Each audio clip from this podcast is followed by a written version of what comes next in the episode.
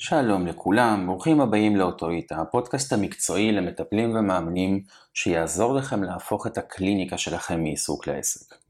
אז ברוכים הבאים לפרק הראשון בפודקאסט החדש שלנו, פודקאסט שכל מטרתו זה לתת למאמנים ומטפלים את הכלים, את האפשרויות, את תפיסות העולם ואת אותם המודלים שלתפיסתי האישית מאוד מאוד מאוד חסרים בשוק של היום. לפני שנמשיך אני רוצה להציג את עצמי, קוראים לי אלכס בוכרו ואני מתעסק בעולם ההתפתחות האישית כבר שנים.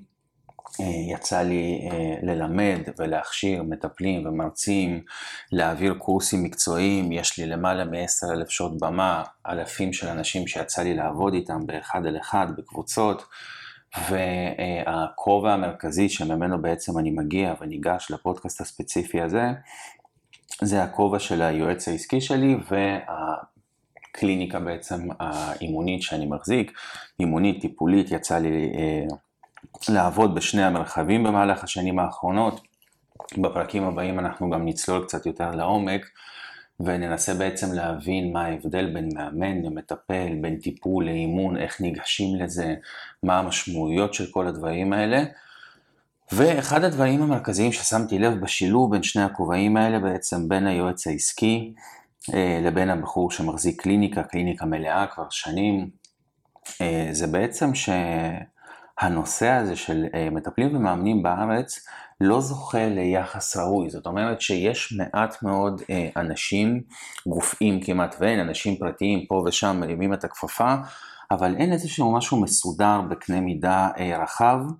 שעוזר בעצם למטפלים ומאמנים להפוך את הקליניקה שלהם למשהו שהם באמת יכולים לעסוק בו ביומיום, לחיות ממנו, להתפרנס ממנו, להתקיים בכבוד, ובאמת לשלב את אותה השליחות שהם מרגישים שהם באים ממנה, לבין אה, עסק שיודע לתחזק אותם, שיודע לפרנס אותם, ובאמת רוב אה, המטפלים שיצא לי להיחשף למאות על גבי מאות כל שנה, רובם המצב התעסוקתי שלהם הוא לא להיט, זאת אומרת שהאנשים האלה בסופו של דבר חלק גדול מדי מעולם המטפלים והמאמנים בישראל אה, לא באמת צורים את החודש, לא כמו שצריך, רובם המוחלט אה, נשארים איפשהו ברדיוס של העוסק הפטור.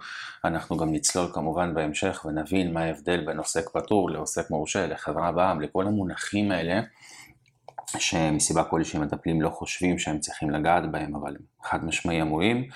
והחבר'ה האלה בקושי סוגרים את החודש, זאת אומרת בסוף לחיות היום במדינת ישראל נכון להיום, בטח ובטח בתקופה הנוכחית, שהפריים כבר עלה ל-5.25, משהו הזוי, ויוקר המחיה משתולל, אז אה, לחיות מ-7, 8, 9 אלף שקל בחודש, וזה במקרה הטוב, זה באמת האחוז היחסית קטן של המטפלים, אה, זה מאוד מאוד מאתגר. וזה אנשים שבסופו של דבר קמים כל בוקר ומניעים את עצמם אה, לטובת באמת עזרה ונתינה וערך, והם בקושי מצליחים אה, לעשות לביתם מה שנקרא. וגם זה המספרים שנקבתי מקודם, 6, 7, 8 אלף שקל בחודש קבוע, זה גם מספר שהוא לא מובן מאליו היום למטפל. ויש במקביל את אה, מה שנקרא יחידי הסגולה, שזה אה, אותם האנשים שמצליחים איכשהו אה, מסיבה אה, מיסטית כלשהי, בעצם להגיע למצב שהם אה, מרוויחים מהקליניקות שלהם 20, 30, 40 אלף שקל בחודש, ואנשים לא מצליחים להבין למה. ואחד הדברים שאני רוצה באמת לגעת בו במהלך אה, הפודקאסט הזה, במהלך הפרקים הבאים, זה למעשה איך עושים את זה. זאת אומרת, אני רוצה לגעת בדיוק בנקודה הזאת, איך אנחנו יכולים להפוך באמת את העסק שלנו, את ה... הפעילות הזאת שנקראת קליניקה, אימון, טיפול, הנחיה, לא משנה איך תקראו לזה, ממשהו שאני עושה על הדרך, מאיזשהו סוג של עיסוק שיש לי במקרה הטוב, תחביב במקרה הפחות טוב, למנגנון עסקי, אמיתי, מסודר, וזה אה, אחד הדברים שעשיתי בשנים האחרונות עבור אנשים אחרים, ליוויתי לא מעט מטפלים, עזרתי ללא מעט אנשים לפתוח קליניקות וקליניקות יציבות, ובסופו של דבר יש דרך לעשות את זה, ואני רוצה באמת להרים את הכפפה ולהעביר את זה הלאה בצורה שהיא יותר מסודרת ויותר אה, מאורגנת, לגעת בכל מה שקשור גם לפן המקצועי וגם לפן העסקי כדי באמת לתת את כל המעטפת. אה, הפעילות שלי בשנה הקרובה הולכת לעסוק בעיקר במטפלים ומאמנים, השם הזה, אוטוריטה, אתם תחשפו אליו יותר ויותר ותשמעו עליו, זה איזשהו מותג שאני מתכוון להרים בשנה הקרובה, שבאמת הולך לתת מענה לקהל יעד הזה, לעולם תוכן הזה של אימונים וטיפולים, אה, באמצעות קורסים, באמצעות צבעים, באמצעות ליוויים אישיים, חובות עסקיות, זאת אומרת אני ממש הולך להשקיע בזה, חלק מהפעילות כבר יצא לדרך, כבר יש אה, מחזור ראשון של קורס מטפלים שרץ ומחזור שני שיתחיל לרוץ ממש בעוד אה, ימים בודדים. ובקרוב גם תתחיל להתגבש קהילה והפודקאסט הזה, זאת אומרת יש לא מעט פעילות שאני רוצה באמת להשיק ולהשקיע בשביל האנשים האלה, כי באיזשהו מקום אני חושב שזה קצת עוול. כי עולם הטיפול, עולם האימון, זה בסוף עולם שמונע הרבה מאוד אה, מהזמן שלו והרבה מאוד מהפוקוס שלו, שמניע אותו, זה אה, הנאה לטובת אנשים, לטובת איזשהו באמת מתן ערך, פתרון בעיות, שיפור איכות החיים של הסביבה, ונראה לי ביזארי שהאנשים האלה בסוף לא מצליחים לסגור את החודש, וזה באמת אחד הדברים שאני רוצה אה, לגעת בהם בהרחבה, לאורך כל התוכניות שלנו והמפגשים שלנו, והחדשות הטובות שזה גם לא כזה מסובך, זאת אומרת בסופו של יום הסיבה שהקליניקה שלי מלאה ושבסופו של יום היא גם אה, מחזיקה אותי מאוד מאוד יפה והיא מכניסה לי אה, את הסכומים שאני רוצה והיא עובדת בתנאים שאני רוצה עם האנשים שאני רוצה, זה לא כי אה, יש עכשיו איזשהו סוד שאני מחזיק בשרוול או איזה משהו, איזה כישרון יוצא דופן, ממש לא, כמוני כמוכם, אני עושה דברים שהם נורא נורא פשוטים ונורא נורא basic, אני פשוט מקפיד על לעשות את הדברים האלה, ואני חושב שההבדל המרכזי ביני לבין אותם אה, יחידי סגולה, קראתי להם מקודם, שמצליחים להכניס מהקליניקות שלהם 30, 40, 50 אלף שקל בחודש, זה זה שהם פשוט מתייחסים לזה כמו עסק, הם באמת תופסים את זה כמו עסק, ואחד היתרונות היחסיים שלי, בתוך העולם הזה זה בעצם אה, העובדה שאני מתעסק בלימוד, בטיצ'ינג, כבר הרבה מאוד שנים ויש לי אה, המון ניסיון על במה, אז יש לי בעצם אה, את היכולת הזאת לקחת את המודלים האלה, לקחת את התכנים האלה ולהעביר אותם הלאה, וזה בדיוק מה שאני רוצה לעשות עבורכם. יהיו פרקים שאנחנו ניגע ממש בתוכן מקצועי לעומק ויהיו פרקים שאנחנו ניגע בתוכן עסקי. והמטרה היא באמת שכל פרק מחדש אה, תעלו עוד רמה ועוד רמה ועוד רמה.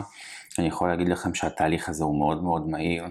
אה, החבר'ה שאני רץ איתם כרגע בקורס מטפלים, סיימנו בסך הכל שלושה מפגשים מתוך שמונה, ויש כבר אנשים שהתחילו להביא יותר הפניות, ויש אנשים שהתחילו להביא יותר לקוחות, ואחת אפילו סגרה אה, במכה אה, רצף פגישות עם עשרה, עשרה מטופלים סגרה ממש כמו עסקת חבילה, אה, עוד מישהי שפרצה את הגבולות ואת האומץ שלה והתחילה להתעסק במקרים שלפני זה היא לא חשבה שהיא מסוגלת, עוד מישהי שכבר התחילה לקבל הפניות, זאת אומרת אני אגע פה בכל מיני דברים שעובדים מאוד מאוד מאוד מהר, אה, מתוך באמת המטרה הזאת להעים אתכם לשלב הבא. אה, אתם יכולים גם אה, לפנות אליי, אני, אה, למצוא אותי בפייסבוק, באינסטגרם, אלכס בוכרוב, לשאול שאלות, להציב דברים, כל שאלה שאני אקבל, שאני אחשוב שהיא רלוונטית באמת לפרקים שלנו, אני אתן לה מענה, אני אתן לה יחס. אני מאוד נגיש ותמיד עונה לאנשים שפונים אליי. אז אה, זה גם איזושהי הזדמנות שהייתי רוצה שתנצלו אותה. וכבר היום, כדי לא לעסוק רק באמת בפתיח ובמה שאנחנו הולכים לעבור, כדי באמת כבר היום לצאת עם איזשהו משהו, אה, אני רוצה שנצלול לעומק ונבין קודם כל מה זה בכלל הנחיה. מה זה הדבר הזה שנקרא הנחיה באחד על אחד? התת קטגוריות של הדבר הזה, התתי שמות של הנחיה זה אימון או טיפול, ויש ביניהם כמובן הבדלים שאנחנו אה, ניגע ונעסוק בהם, אבל לפני שנגיע לזה בואו נתחיל להבין קודם כל מה זה הנחיה. כשבן אדם בעצם מגיע אליי לקליניקה, אוקיי, בדקתי, הלכתי, למדתי קורס NLP, CBT, ימימה, אדלר, כל אחד והכיוון שהוא הלך אליו. סיימתי, מגניב, הדפיסו לי תעודה בתוך המכללה הזאת, ואני גם על זה ארחיב בהמשך, אבל כחצי ספוילר, לתעודות האלה יש אפס חשיבות, אוקיי? זה בסוף, התעודות האלה הן יותר בשבילנו מאשר בשביל האנשים. לאנשים לא באמת אכפת מהתעודות שלכם, זה לא באמת משחק שום תפקיד, ואני ארחיב על זה בהמשך בתור אדם שחתום על מאות על גבי מאות של התעודות האלה, והייתי אומר את זה בכל הכיתות שלי, לתעודות יש אפס חשיבות, וכמובן נרחיב גם על זה. אז מגיע אליי בן אדם, ובעצם מה אני עושה? מה זה הנחיה באחד על אחד?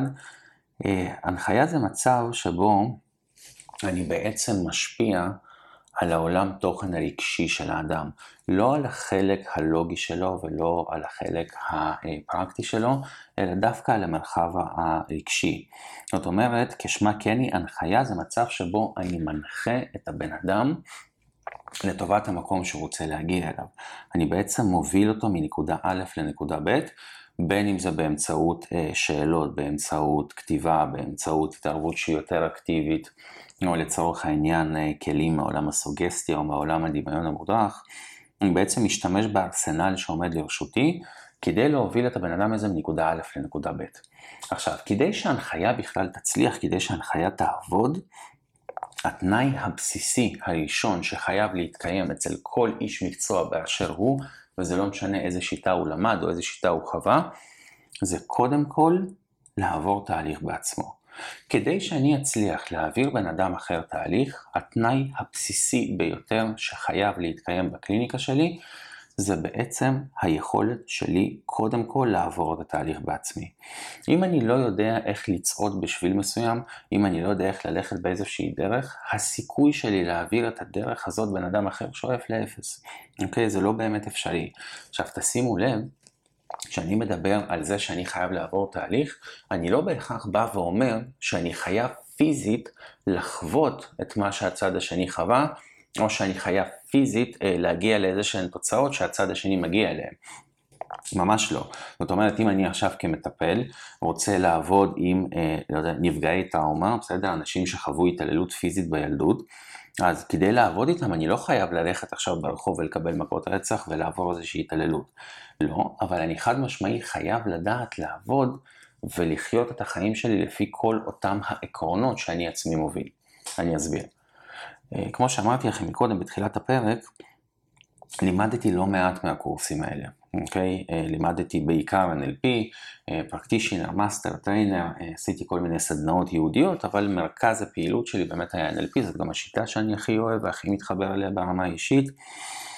והיו באים אליי כל מיני אנשים לקורסים האלה, הייתי מוביל גם קורסים מלאים וגם מתפקד בתור מרצה אורח בקורסים של אנשים אחרים.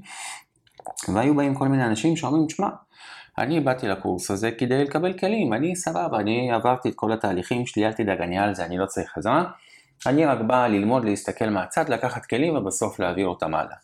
סטטיסטית לאנשים האלה אין סיכוי להעביר בן אדם תהליך.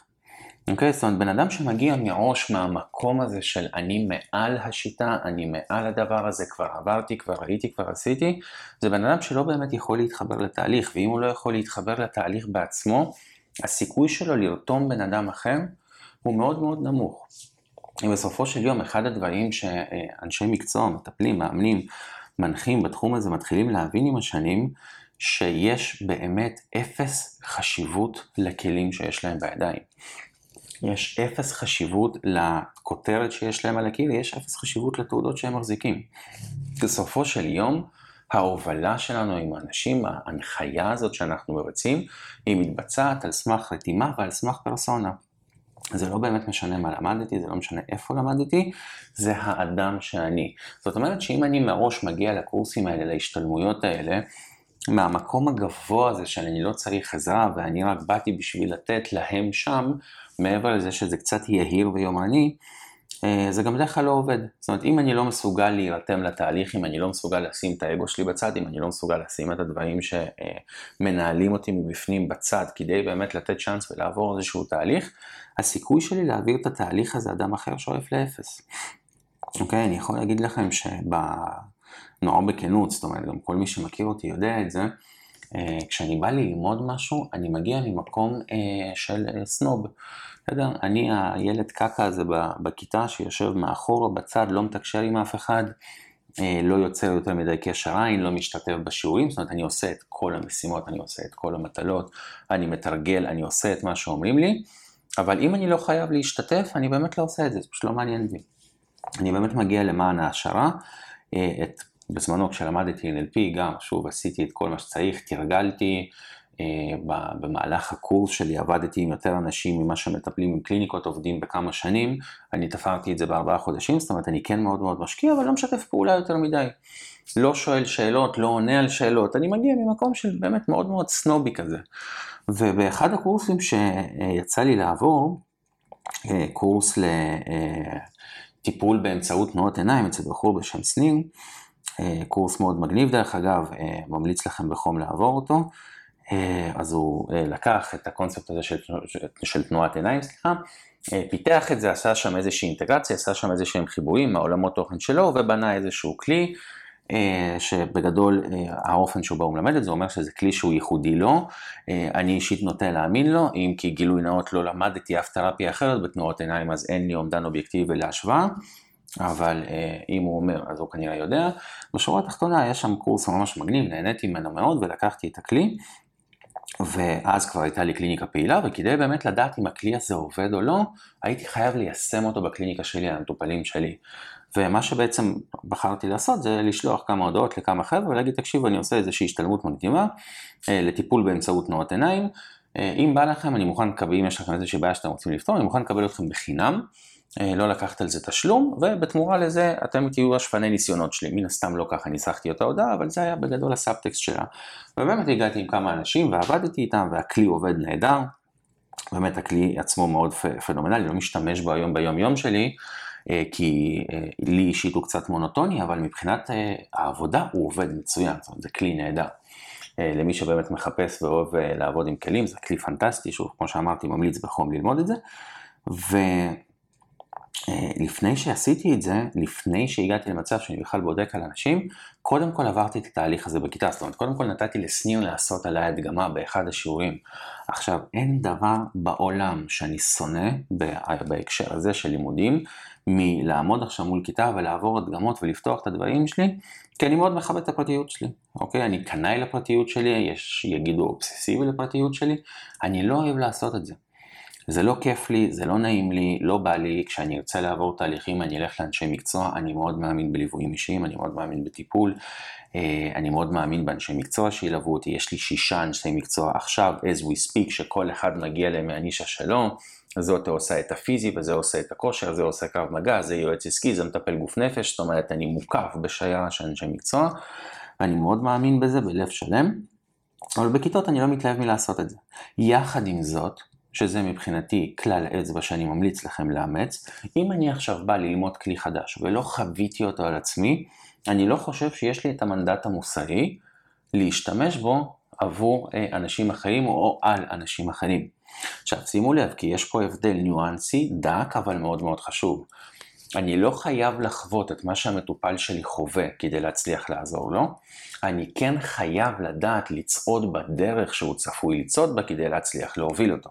זאת אומרת שאם אני עכשיו מטפל בנפגעת של תקיפה מינית, אבל אני בחיים שלי לא עברתי תקיפה מינית, זה אפשרי בתנאי שאת כל אותם העקרונות שאני רוצה להעביר לה כחלק מההנחיה, אני יודע ליישם בעצמי בחיים שלי בתחומים אחרים, אוקיי?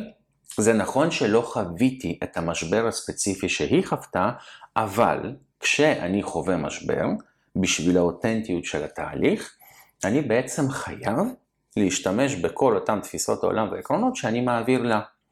אוקיי? זאת אומרת שבעולם הטיפול והאימון יש שתי אסכולות.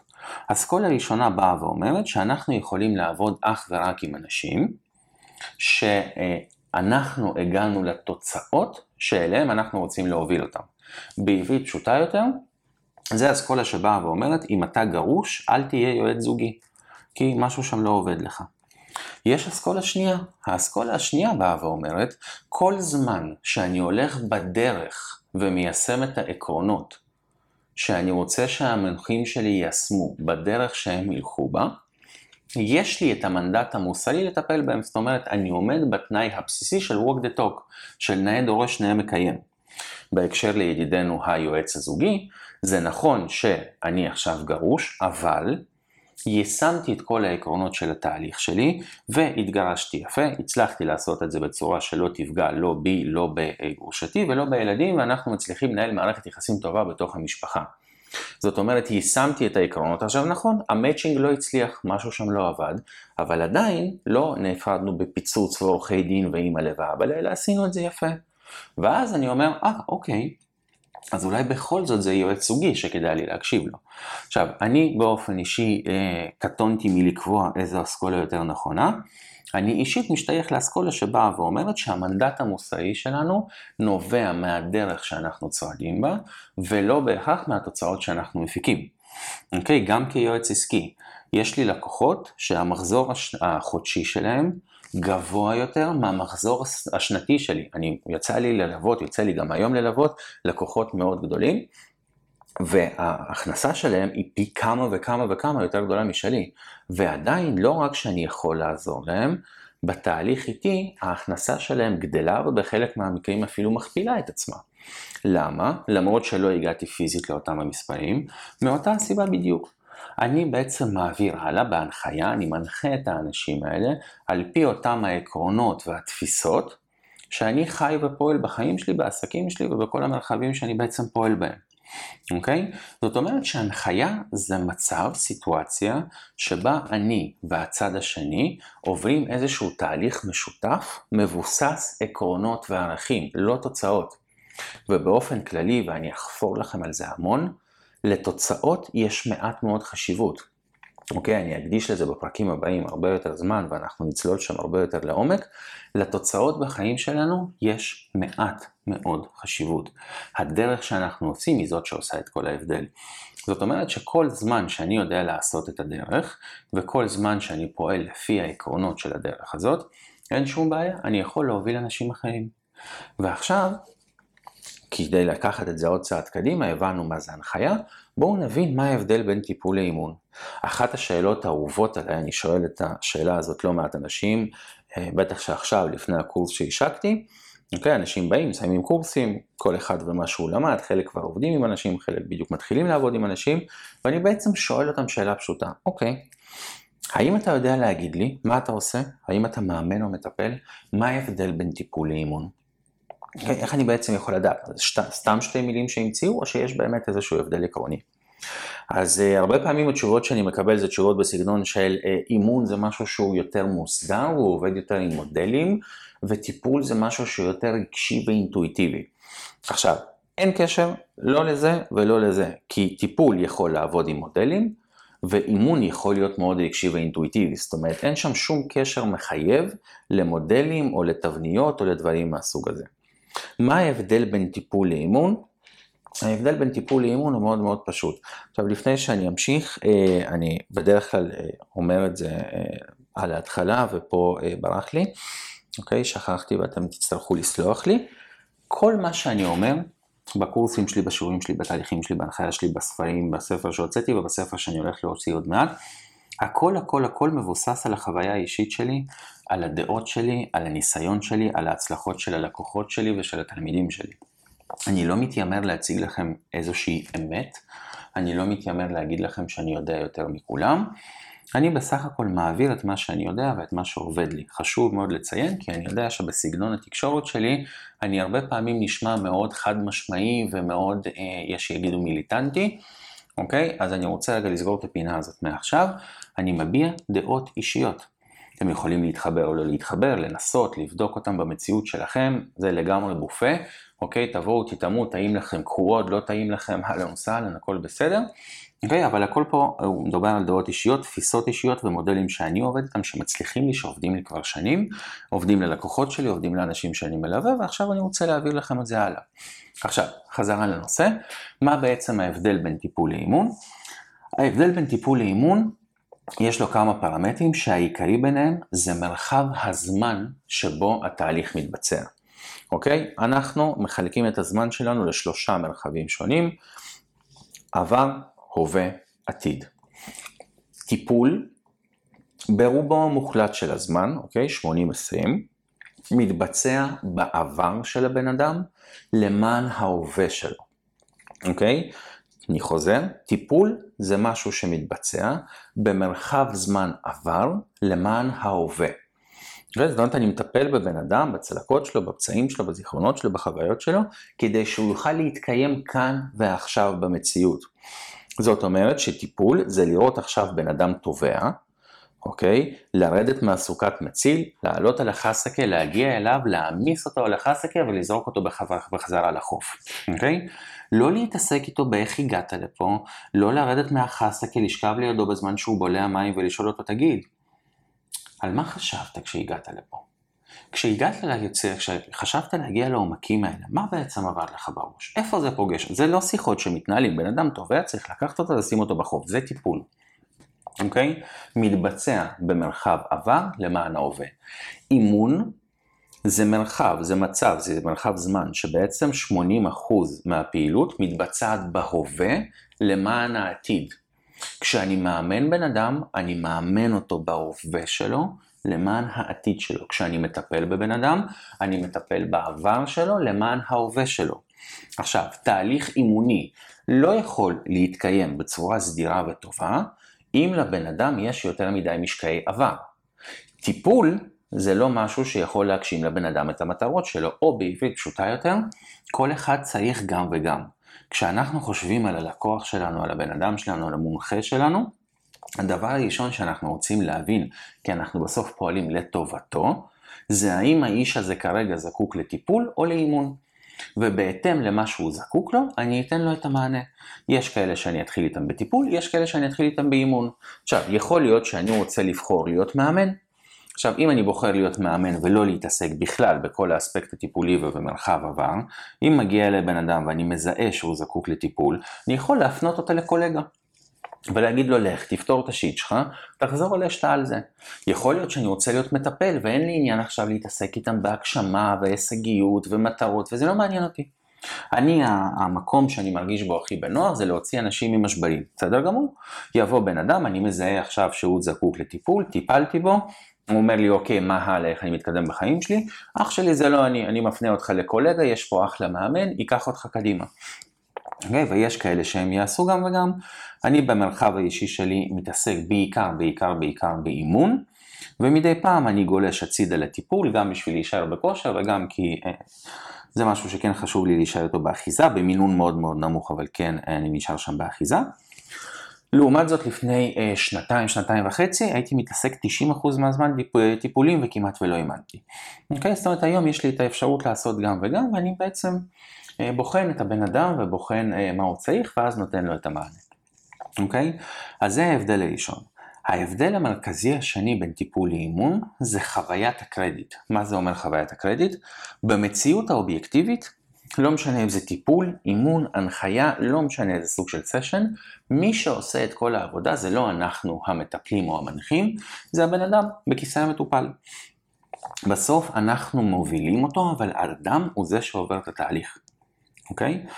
יחד עם זאת, במציאות הסובייקטיבית, ובתור מטפלים אין מה לעשות, אנחנו חייבים לדעת שאנחנו לא עובדים עם מציאות אובייקטיבית, אלא עם מציאות סובייקטיבית, אז במציאות הסובייקטיבית של האדם, יש הבדל עצום בחוויית הקרדיט שלו, זאת אומרת שבן אדם שמגיע לטיפול, בחוויה שלו, המטפל הוא זה שפתר לו את הבעיה. כשבן אדם מגיע לאימון, בחוויה שלו, המאמן כיוון אותו, אבל הוא זה שעשה את הדרך.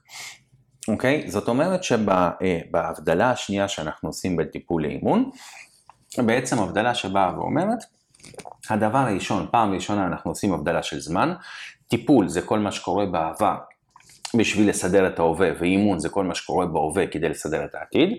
פעם שנייה אנחנו עושים את הקדע של הקרדיט, אוקיי? בטיפול האדם משליך את ההצלחה ברובה על המטפל, ובאימון בן אדם משליך את ההצלחה ברובה על עצמו.